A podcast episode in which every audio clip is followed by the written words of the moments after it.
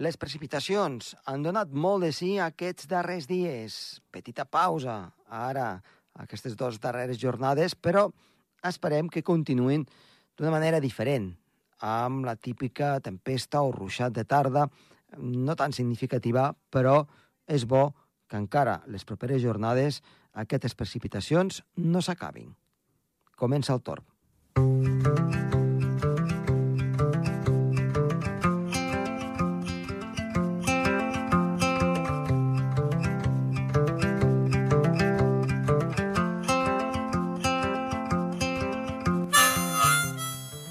Doncs avui tenim a dos meteoròlegs, en Gerard Tauler, que ens parlarà sobre la sensació tèrmica que tenim al nostre cos i de què depèn. I després en Sergi Càrteles ens parlarà de les darreres precipitacions que hi ha hagut al Pirineu, també de com serà l'estiu des del punt de vista meteorològic, dels embassaments que tenim aquí a prop del Pirineu, com estan responent amb aquestes pluges, i també del Pol Nord, com està la situació ara mateix. Som-hi!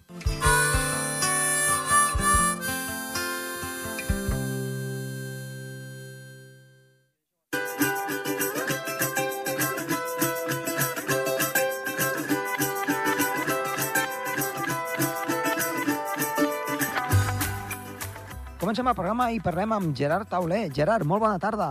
Molt bona tarda, Josep Tomàs. A quin tema ens portes avui? La sensació tèrmica, com veiem les persones. Vinga, doncs, com, com veiem les persones la sensació tèrmica? La, la variació, la sensació, sí, la sensació és molt diferent. Hi ha persones que van molt abrigades quan, quan, quan fa la calor, hi ha persones que van molt desabrigades quan fa fred.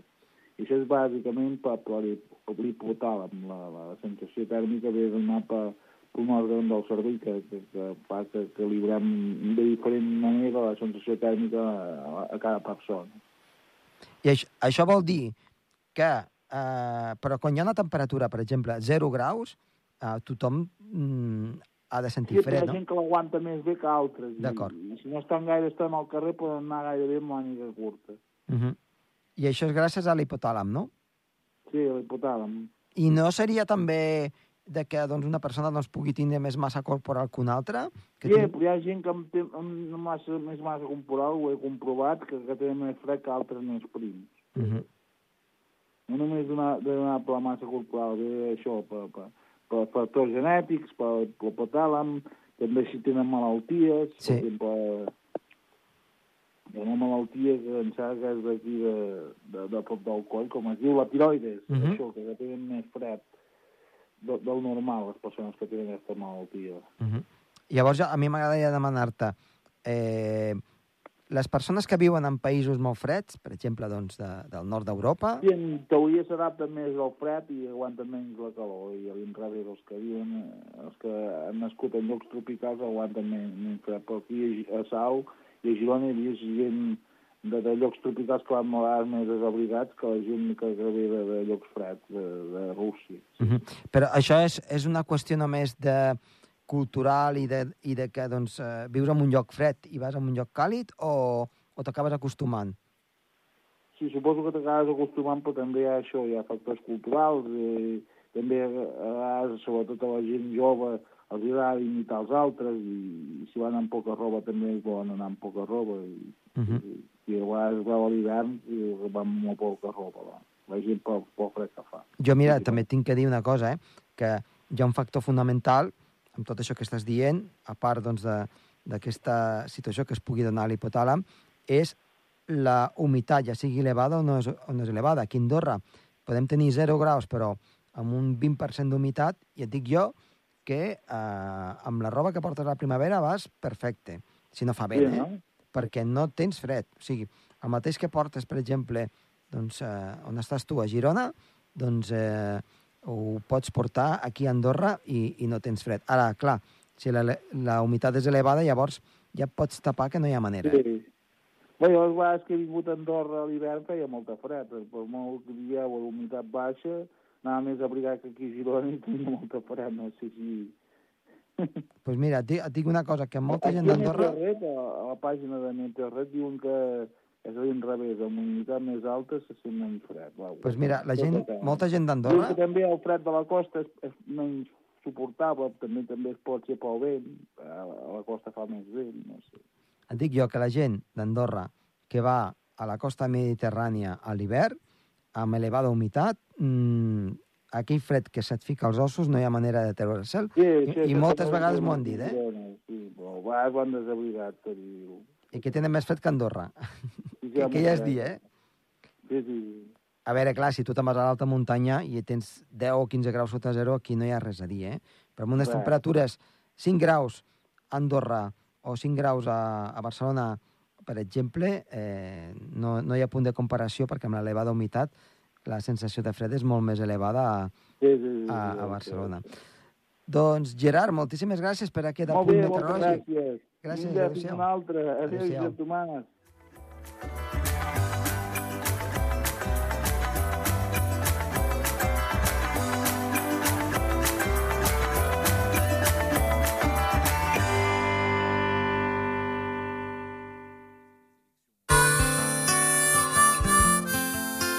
El Torb, amb Josep Tomàs.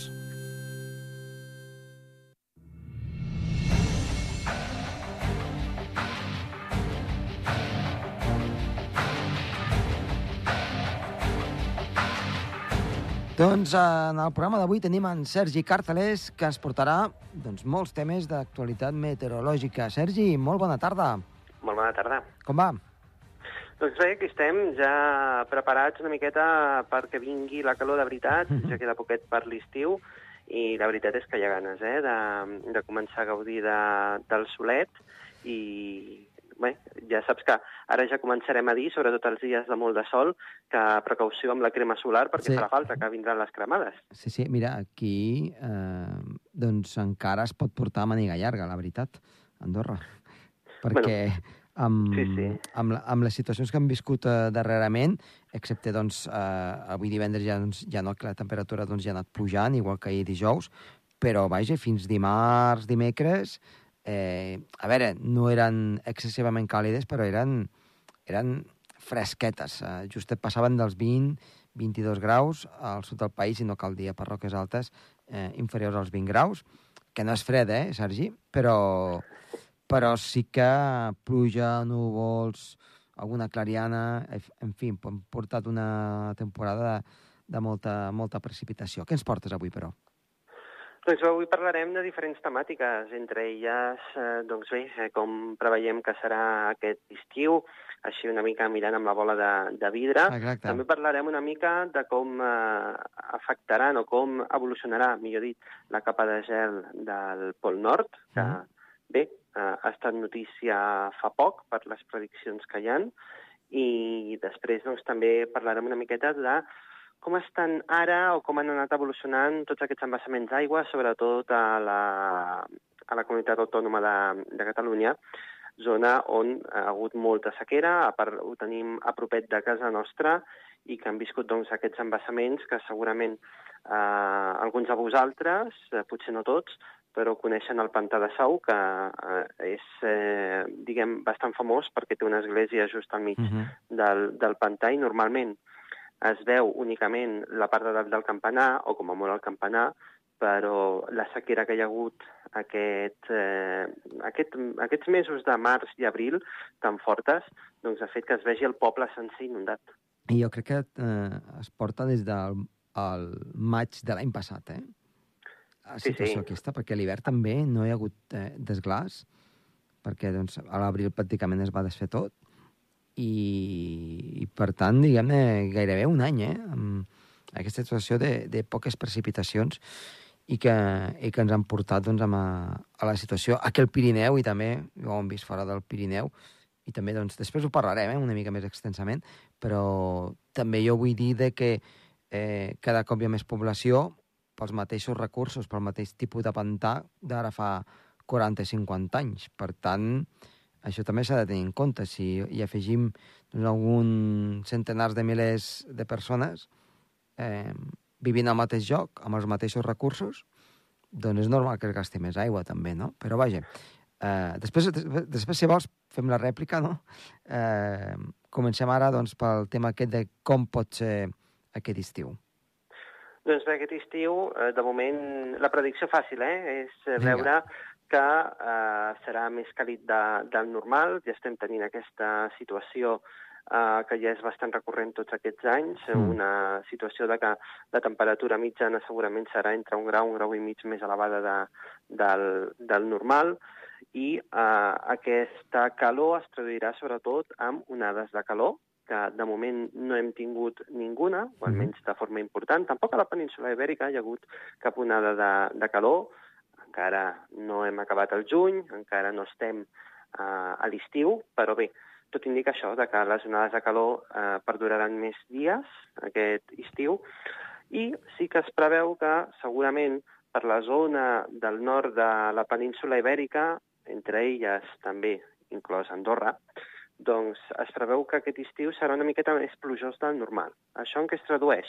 Es tradueix en que hi haurà més tempestes, sobretot al Pirineu. Uh -huh. No estem parlant d'un increment molt important de pluges, però bé, ja ho hem estat vivint tots aquests dies anteriors, que eh, quasi cada dia hem tingut algun ruixat o alguna tempesta de tarda, que al Mhm. final és aquest clima que tenim típic al Pirineu, a l'Alt Pirineu i al Prepirineu, d'aquests ruixats de tarda, que són matins assolellats, a partir del migdia es formen núvols, això ja ho hem estat dient, sobretot a les cròniques de ràdio, tant. jo quan, quan ho estic dient aquests caps de setmana, eh, quasi, quasi la, la gent ja dirà que sóc un pesat, perquè al final sempre tinc el mateix discurs, no?, últimament, Sí, però... però... Eh, perdona que et talli eh, un moment. Mira, millor dir això que no pas dir eh, anticicló i, i imagina't, eh, que ho hem viscut, eh, Sí. un mes sencer d'anticicló en què només fa sol, mm, arriba un moment que no saps què dir, eh? Això és veritat, això és veritat. Ho has de dir de tantes formes diferents Sí, que no? al final ja no saps com dir-ho. Exacte. Però sí, sí, és el que he estat dient últimament, no? De, començarem al matí amb un dia molt assolellat, a partir del migdia començaran a formar-se núvols que taparan el cel a mitjans de tarda i també deixaran algun ruixat i algunes tempestes puntuals. Al final ja veus que és el, el discurs que, que també hi ha hagut els dies anteriors, però és que realment és el que ha succeït, no? Amb aquestes tempestes que són més típiques d'estiu que no de primavera, Uh -huh. però bé, eh, anem a pensar en positiu i és que igual que diuen els models no, de climàtics de com serà aquest estiu, doncs si són una mica més plujosos és justament per això, per aquestes tempestes que hi haurà al Pirineu i Prepirineu. Uh -huh. I vols dir que hi haurà eh, moltes onades de calor, amb això que estàs dient de que hi ha d'haver més precipitació, o estaran més restringides en algun lloc? Estaran més situades estaran més situades al sud de la península ibèrica. Ja. També hi haurà onades de calor a França. Uh -huh. El que passa és que sí, evidentment, quan parlem d'onades de calor, sobretot es situen al sud de la península ibèrica i eh, sí que és veritat que aquí a Andorra arribaran, el que passa és que arribaran molt més desgastades i tampoc Mhm. perduraran tant.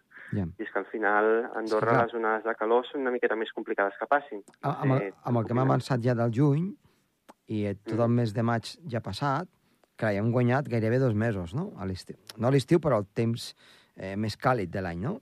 Encara Sí. falta, doncs, juliol i agost, que són els més càlids, no? Aquests dos Sí, mesos. Per sí, sí, tant, sí. Ja, ja hem reduït una mica, no?, en aquesta situació. Per tant, li Sí. queda menys marge, penso, eh? T'ho dic, com tu dius, eh? Amb No em refiaria, no, No? em refiaria molt, perquè mm, jo també comptaria el setembre. També és veritat. I últimament la dinàmica fins i tot ens pot donar alguna petita sorpresa a l'octubre. Si Mhm. t'estàs donant compte, com que l'estiu tendia a arribar una miqueta més tard, però també perdurava més. Sí, Però clar, això al final són dinàmiques i, i és una miqueta atzar. De moment no, no està seguint una dinàmica molt, molt... en, ens diguem, despista una mica, eh? Ens despista Sí. una mica, eh? La veritat. Sí, sí, sí. Però sí que és veritat que hem, hem tingut dies de 29, 30 graus. L'any passat, si no recordo malament, Ja, a sí, Andorra, tant, i vam tant. arribar als 29-30 graus un me al mes d'octubre. Sí, sí. Sí, sí. I ho varen començar eh, pràcticament a l'abril, eh? Sí, Clar. sí, sí que és veritat, que va començar abans. Sí, sí, sí. Va començar abans i va durar més.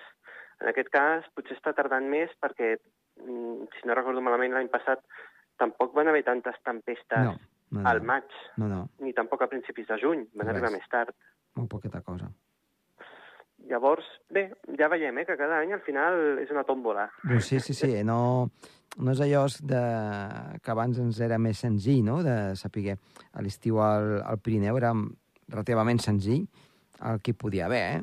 eh intercalat amb un període doncs, estable, de més calor, potser d'alguna onada de calor, però bàsicament eh, segona quinzena de- d'agost ja, tururut, és, és eh, tempesta cada tarda, al juliol alguna tempesta forta, però, però clar, ara sí que estem una mica eh, fora de joc amb, a, amb el que últimament ha anat passant, no?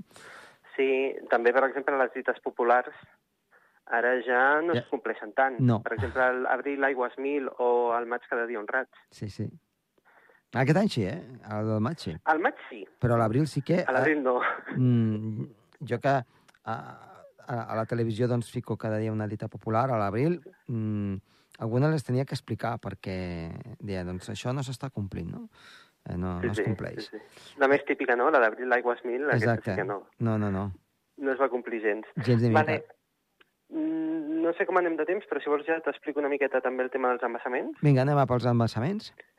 Ràpidament, eh? únicament, eh, doncs els embassaments estan tenint un increment bastant important aquest mm, finals de maig, eh, principis de juny, meitats de juny, a causa doncs, d'aquestes tempestes que hi ha hagut, que sobretot sí que és veritat que s'han quedat estancades al Pirineu i Prepirineu, encara que hi ha hagut aquests ruixats, aquestes Sí. tempestes, sobretot a la conca de l'Ebre i també al, al Valira, evidentment, també en el Llobregat, i això fa que sobretot els pantans eh, que estàvem comentant abans de la conca de l'Ebre han incrementat bastant el, el volum, per exemple, eh, a Oliana, ara mateix, el percentatge que hi ha en l'embassament és d'un 58%, Ha pujat bastant, eh?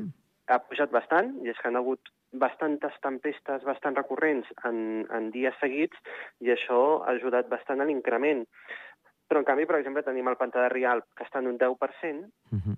el, i el que comentàvem, ara el pantà de Sau fa tres setmanes estava a un 15% de la 15. seva capacitat, El 15, no? 15%, Uh -huh. i ara mateix estan al 25%, Bé.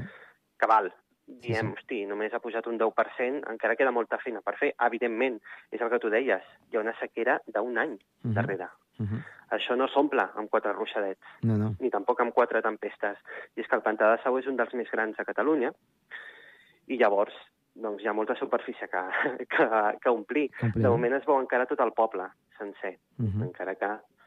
Bé, almenys eh, sí que es deia que volien aprofitar de que el pantà estava tan buit ara per secar-lo del tot i no sé què volien fer, em sembla que el volien netejar per sota perquè hi havia molt de fang i hi havia moltes deixalles, etc.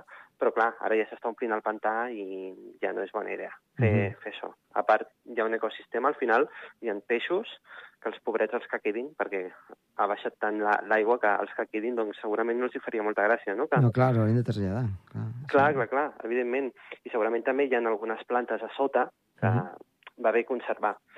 Què és lo general? Doncs que, per exemple, les reserves d'aigua, en general, estaven a la situació de Catalunya, doncs estaven fa poc a un 16% de la Mhm. capacitat i ara amb totes aquestes pluges hem pujat a un 28%, en general, de tots els embassaments. Així que això també s'extrapola una mica també a les altres comunitats autònomes i eh, no sé si tu tens alguna dada en concret d'algun embassament que hi hagi així a la zona d'Andorra? Bé, de fet, aquí eh, l'únic eh, embassament o llac és el llac d'Angolestés i, vaja, sempre... A vegades sí que està més buit, però són per causes doncs, per fer electricitat, però no, no té cap tipus de complicació. L'únic que sí que hem vist és doncs, com el Valira doncs, eh, baixava doncs, eh, força, força amb, amb menys ca- capacitat els mesos, eh, sobretot el mes d'abril, no? perquè ja es va desfer tota la neu, i al maig sí que ha anat recuperant, i ara aquests dies doncs, baixava fort, fins i tot algunes vegades, eh, degut a, a les tempestes, amb una mica de terra, eh? amb aquest color terrós, de- Sí. d'haver-hi hagut algun, algun ruixat una mica, una mica més intens. Per tant, eh, força aigua del Valira cap, a, cap al Segre i, per tant, bona notícia en aquest cas per passar cap, a, cap al Pantà d'Oliana. I això que et També comentava... mal... Sí, digues, digues, Sí, perdona. eh, això que et comentava, eh? aquest petit incís de que els embassaments són els mateixos que ara fa 50 anys, um, però ja, uh, si més no, amb el que tu m'estàs dient, no? En aquest sector de la població de Catalunya hi ha potser un milió i mig més de persones, per, i sobretot a la conur conurbació de, de Barcelona. Mm, això vol dir que mm, hi ha més, hi ha més eh, diguem-ne, es gasta més aigua i, i hi ha la mateixa capacitat i, per tant, hi ha més gent. És lògic que, que se'n gasti molta més, no? Sí, però jo crec que sobretot, a, a part de que, evidentment, s'ha incrementat la població, hi ha un consum més gran, el tema del consum, jo crec que també s'està fent un mal consum, un mal ús del consum. No en el fet del consum propi, de beure aigua, perquè al final ja saps que la majoria d'aigua que bevem embotellada Mm. eh, venen, de, venen de fonts subterrànies, en les quals directament extreuen d'allà l'aigua i les filtren, etc. No l'agafem del riu, com fèiem abans. Ja. Però sí que hi ha un ús, mm, jo crec que un mal ús, sobretot en el tema de les indústries, el tema de l'agricultura, i al final en certs també usos d'oci Uh -huh. que demanen una gran quantitat d'aigua i no s'està fent servir de forma, diguem, raonable. Molt bé. A part, Uh -huh. Uh, una cosa que vaig estar, mm, diguem, escoltant fa, fa un temps, és que es veu que quasi un 50% de l'aigua que es perd, Mm. es perd a través de fuites d'aigua que hi ha a les canyeries. imagina't. Hosti, mm, això és molta aigua, eh, que es perd. Sí, sí, sí, Vull sí. dir, al final, jo crec que també és important mantenir les canyeries d'aigua, perquè al final tota aquesta aigua passa per tubs. Hi ha milions i milions de tuberies diferents que distribueixen l'aigua no només a les cases, sinó també a les fàbriques, i també distribueixen tot això a rius, mm, bé, a, a munts de llocs. I si es fes una bona, un bon manteniment de totes aquestes tuberies, potser estalviaríem més aigua de la que ens imaginem. Doncs sí. Ja, ja per acabar, diré Sí. això doncs, de l'aigua, eh, que és superimportant, això que has dit doncs, de, de que d'estalvi amb el bon ús i, i mirar doncs, de, de refer tot el que està malament i aquestes pèrdues d'aigua. Eh, si ens anem cap al Pol Nord, eh, trobem aquí també l'aigua congelada, però com, com ha estat aquesta aigua congelada? Al De moment, al Pol Nord- d'aquest hivern? El Pol Nord de moment està blanc, és a dir, hi ha gel. Menys mal. Però estem a meitats de juny. Encara no ha vingut la calor, la calor de veritat. Uh -huh. Està previst que tot aquest gel vagi baixant, vagi disminuint. De fet, ara hi ha una miqueta menys de gel del normal. Una mica. Quin és el problema? Que les temperatures ca- cada cop augmentaran més, l'evaporació cada cop serà més elevada, i es preveu, segons alguns estudis que hi ha hagut, sobretot de la NOAA, l'Institut Nacional de, de l'Atlàntic, si no Mhm. m'equivoco Sí, sí. malament. Uh, vamos, que és un, és un gran organisme internacional del clima, preveu que aquest 2023 serà el primer any Uh -huh. en el que el Pol Nord es queda completament sense gel. Mira, saps què et dic? Que això no m'ho crec. Et dic jo que no m'ho crec. I si vols en parlem la, la temporada vinent, eh? Sí, bueno, si vols a setembre, vull dir, a setembre o octubre, Uh -huh. però mm, ah, aquestes són les prediccions que tenen. Altra cosa és que després passi o no passi. Uh -huh. Mm, seria perillós, seria perillós, perquè um, al final, a l'hora d'emmagatzemar l'aigua dolça, és més, és més fàcil emmagatzemar-la si ja hi ha aigua dolça al voltant, Uh -huh. que no crear una nova capa d'aigua dolça a sobre d'aigua salada, com seria l'aigua de, del mar. Sí, sí, clar. Està... Llavors, mm, bé, ja veurem què passa o què no passa. Uh -huh. Jo... Evidentment, hi ha, hi ha darrere molts interessos econòmics, perquè, per exemple, encara que, bueno, sí, ara hi ha la guerra, la guerra d'Ucrània, Mm. en la que Estats Units i Rússia, per exemple, no es porten molt bé ara mateix, però sí que a l'hora de desgelar-se tot el Pol Nord, crearia una nova ruta marítima molt més curta en el que moltes mercaderies es podrien desplaçar de forma més ràpida. Uh -huh. Però això climàticament no interessa. No, clar, clar, clar. E- Econòmicament sí, climàticament no. Uh -huh. Llavors, mm, bé, hi ha gent darrere que li interessa això del desgel. Uh -huh. A nosaltres no, eh? Per suposat. No, no. Ah, Eh, clar. i, I això, doncs, eh, de fet, la natura després dirà el seu, eh? Per tant, eh, però vaja, jo penso que aquest estudi, ja t'ho digué, mm, penso que és erroni totalment perquè no, no, no, no... Vaja, i penso que amb la quantitat encara de gel que hi ha, que arribi a desaparèixer del tot o quedin només residus, eh, també s'ha dit fa molts anys i no ha succeït encara mai. Això no vol dir que no hagi de passar, eh? però hem escolta, dit, hem dit. eh, en parlem, en parlem d'això perquè crec que pot ser molt interessant. Sergi, doncs moltíssimes gràcies per estar avui aquí amb nosaltres i t'esperem doncs, la temporada vinent. Molt bé, que vagi bé. Adéu-siau.